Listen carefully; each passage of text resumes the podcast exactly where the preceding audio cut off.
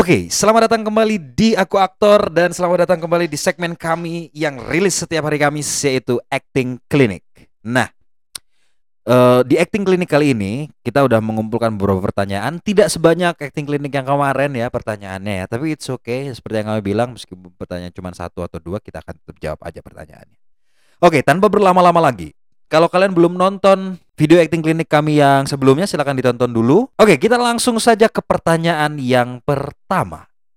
Pertanyaan yang pertama datang dari Reki Subakja. Dia nanya nih, bagaimana caramu tetap punya energi untuk melatih seluruh perangkat keaktoran? Aku pemalas soalnya. Wak, wak, wak, wak. Caranya, hmm, itu soal etika dan soal mungkin soal effort kali ya. Pertanyaannya adalah apakah kamu cukup mencintai seni peran atau tidak? Kalau kamu cukup mencintainya, maka kamu akan latihan dengan sendirinya. Kamu bahkan tidak perlu diminta dan disuruh untuk latihan. Karena kamu butuh latihan. Udah kayak semacam candu untuk melatih seluruh perangkat keaktorannya. Atau kalau kamu ya semuanya akhirnya kembali pada apa namanya etos kerja sih. Etos kerjamu baik atau tidak tapi caranya biar punya etos kerja itu ya tanya lagi kamu tuh bener-bener mau jadi aktor atau kamu cuma mau terkenal atau apa tujuanmu jadi aktor? Atau apa tujuanmu belajar seni peran?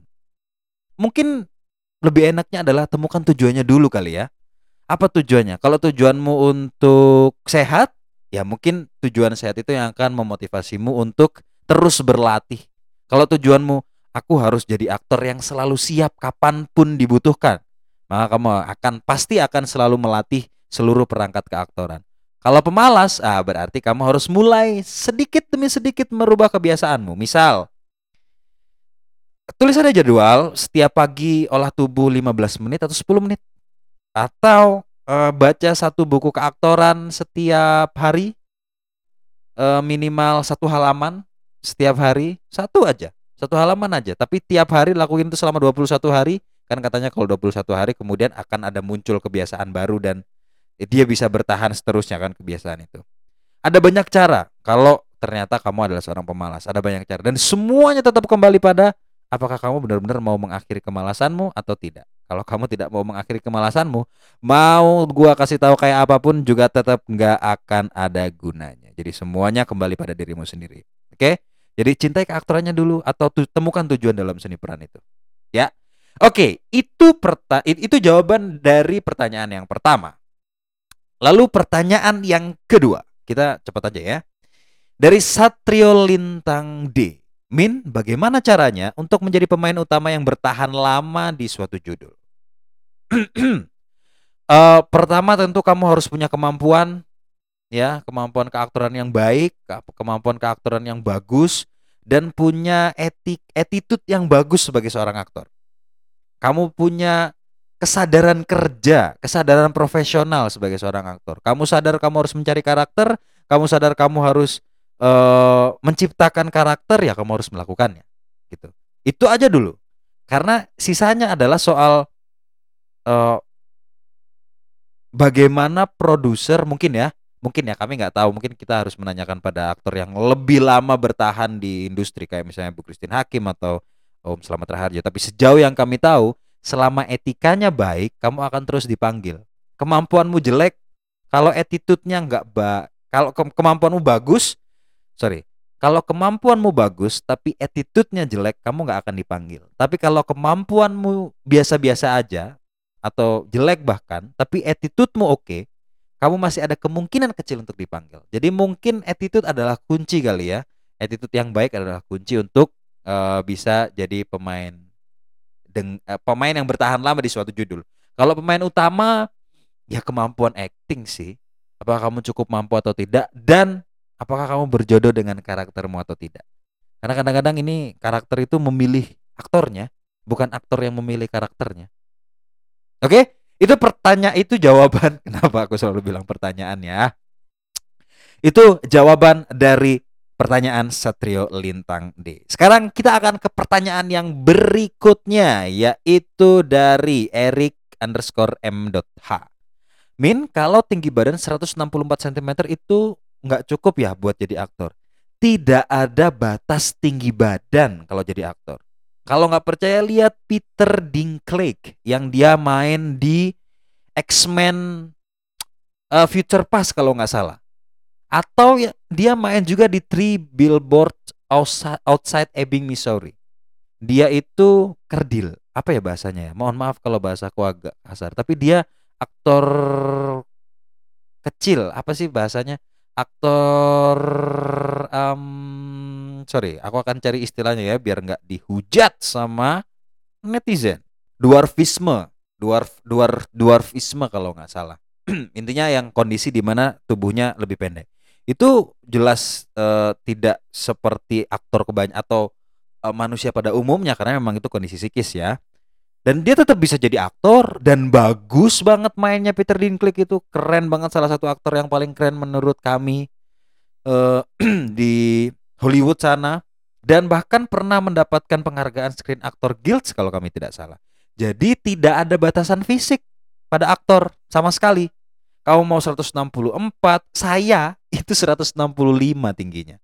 Tapi saya jadi aktor, saya main film. Dan ada banyak teman-teman saya yang tingginya tidak lebih tinggi dari saya banyak. Banyak apalagi teman-teman perempuan. Ada yang banyak yang di bawah itu tingginya, tapi mereka tetap bisa jadi aktor tetap bisa jadi aktor. Oke, jadi nggak asal minder. Yang penting adalah kemampuan keaktoranmu itu yang paling penting. Oke, jadi latih, dilatih lagi eh, kemampuan keaktoranmu. Tidak perlu bingung soal tinggi badan atau bagaimana bentuk fisikmu. Percayalah, karakter akan menemukan uh, kamu suatu saat nanti. Nah, sebelum karakter menemukanmu, pastikan kamu siap. Ya, siap untuk oke, aku harus selalu siap sampai karakter menemukanku. Itu jawaban untuk Eric underscore M.H. Nah, sekarang kita akan ke pertanyaan yang berikutnya yaitu dari bg.mats. Dia nanya, Kak kenapa kalau sinetron baca dialognya cuma dikasih 10 menit terus langsung take? Kan jadi kaget Kak. Kaget atau tidaknya itu tergantung pada kesiapanmu sebagai seorang aktor. Kalau kamu adalah aktor yang selalu siap, selalu melatih diri kapan pun dan di mana pun, kamu nggak akan kaget. Tapi kalau kamu nggak pernah latihan, nggak punya kesiapan, ya jelas kamu akan kaget. Ingat kalau di sinetron itu yang dikejar adalah apalagi stripping ya, waktu gitu. Jadi kamu harus bisa berpikir cepat, beradaptasi cepat gitu. Jadi harus cepat, emang harus cepat dan kamu harus berlatih. Harus selalu berlatih. Mau ada callingan gak ada callingan harus selalu berlatih. Biar apa? Biar kalau kamu dikasih uh, apa namanya persiapan cuma 10 menit, kamu tetap siap karena kamu selalu dalam kondisi siap. Ingat, satu prinsip yang harus dipegang setiap aktor adalah harus selalu siap. Aktor itu harus seperti pistol yang siap ditembakkan. Pistol yang sudah dikokang dan siap ditembakkan. Oke, jadi latih terus dirimu biar nggak kagetan, ya. Dan sadari kalau ya memang begitulah industri sinetron. Kita nggak bisa protes. Bahkan di film pun kamu akan mendapati hal-hal macam itu. Saya secara personal pernah diganti karakternya mungkin 15 atau 10 menit sebelum take sama saudara. Tapi ya selalu siap. Jadi kita selalu menerima apa pun kondisinya dan beradaptasi secepat mungkin. Itu jawabannya. Selanjutnya kita akan ke pertanyaan yang terakhir untuk acting klinik kali ini. Pertanyaannya dari Al Pangeribuan, ya. Dia bertanya nih. Pertanyaan mengenai membiasakan perilaku kebiasaan karakter supaya menjadi milik. Pertanyaannya, cara menyamakan perilaku kebiasaan yang dilatih selama sebulan dengan perilaku kebiasaan yang sudah terjadi sejak lama bahkan mungkin sejak dia sudah mulai punya akal. Bagaimana, Bang? Kami sempat nanya nih, maksud pertanyaanmu gimana? Menyamakan perilaku kebiasaan maksudnya apa gitu. Karena kita agak bingung dengan uh, pertanyaannya si Alpang Ribuan ya. Kemudian dia menjawab menjelaskan. Misal gini, Bang, si karakter yang mau dimainkan ini dia adalah seorang yang handal atau pandai bermain piano dia udah main piano dari kecil sementara kita nggak pernah main piano sama sekali. Nah, dalam metode acting kan kita harus melatihnya dan membiasakan itu selama persiapan sebelum syuting. Tapi kan berbeda cara orang main piano yang udah lama sama yang baru pandai. Cara untuk menyamakan itu gimana, Bang? Oh, maksudnya menyamakan misalnya sama-sama sama-sama kelihatan pandai. Ya dilatih, ya dibiasakan. Dan sesuai kebutuhan adegan aja. Misalnya gini, misal ya, karaktermu adalah seorang yang pinter bermain piano. Oke, dia belajar piano dari zaman kecil dia belajar piano.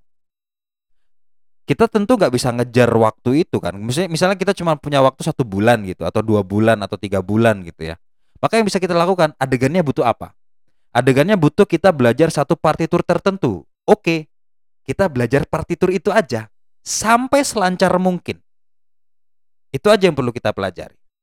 Nggak perlu kita belajar benar-benar dari nol sampai bisa. Nggak perlu karena terlalu lama. Kita nggak punya banyak waktu. Jadi belajar sesuai kebutuhan karakter kebutuhan adegan saja. Kayak uh, Shine, eh, film Shine yang dipintangi sama Geoffrey Rush yang dia dapat Oscar, itu setahu kami dia memang dari kecil atau dari remaja udah bisa bermain piano ya.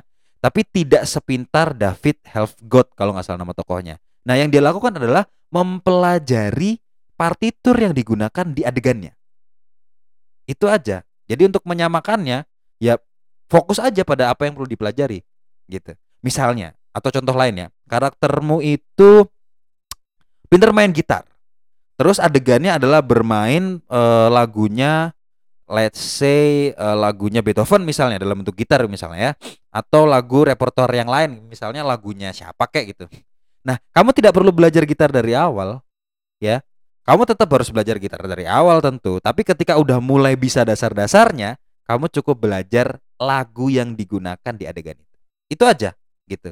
Jadi kita memang tidak akan pernah bisa bener-bener sama karena ya misalnya karaktermu usianya 28 tahun ya dan belajar piano dari usia 4 tahun. Kamu nggak mungkin 24 tahun belajar ya kamu akan keburu tua jelas nggak ada waktu sebanyak itu.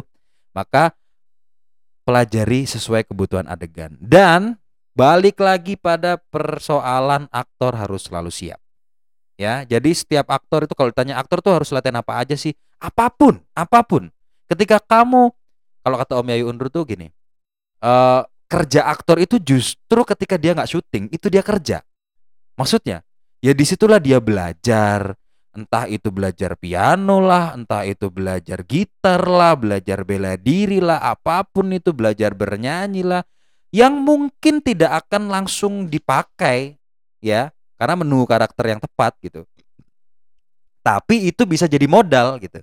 Jadi kalau kamu sekarang belum dapat kesempatan main film, jangan sedih. Artinya sekarang justru kamu harus bekerja keras untuk belajar banyak hal. Kuasai banyak hal. Oke? Okay? Biar nanti ketika kamu dapat karakter kamu siap. Ya, pelajari piano, pelajari gitar, uh, pelajari uh, biola misalnya atau pelajari apa pun itu, apa pun sebanyak mungkin. Pelajari apa pun itu.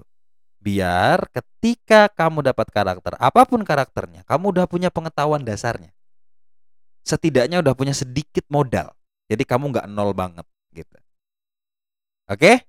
Itu adalah jawaban untuk pertanyaan terakhir di acting clinic kali ini. Terima kasih karena sudah bertanya teman-teman dan berkat pertanyaan teman-teman inilah acting klinik masih ada sampai episode yang kelima ini. Itu dulu untuk acting klinik hari ini dan terima kasih. Jangan lupa di subscribe, jangan lupa untuk dinyalakan notifikasinya biar nggak ketinggalan video-video terbaru dari aku aktor dan jangan lupa di like kalau suka dengan video ini atau dislike aja kalau nggak suka. It's okay. Kita akan selalu berbenah. Terima kasih. Jangan lupa untuk di share dan sampai ketemu di acting klinik berikutnya. Ingat, kalau ada pertanyaan apa pun soal seni peran, silahkan tanyakan di kolom komentar atau di Instagram kami atau di story kami. Silahkan tulis pertanyaannya atau DM kami saja. Nanti akan kami jawab pertanyaannya. Terima kasih, sampai ketemu di acting klinik berikutnya. Viva Akto!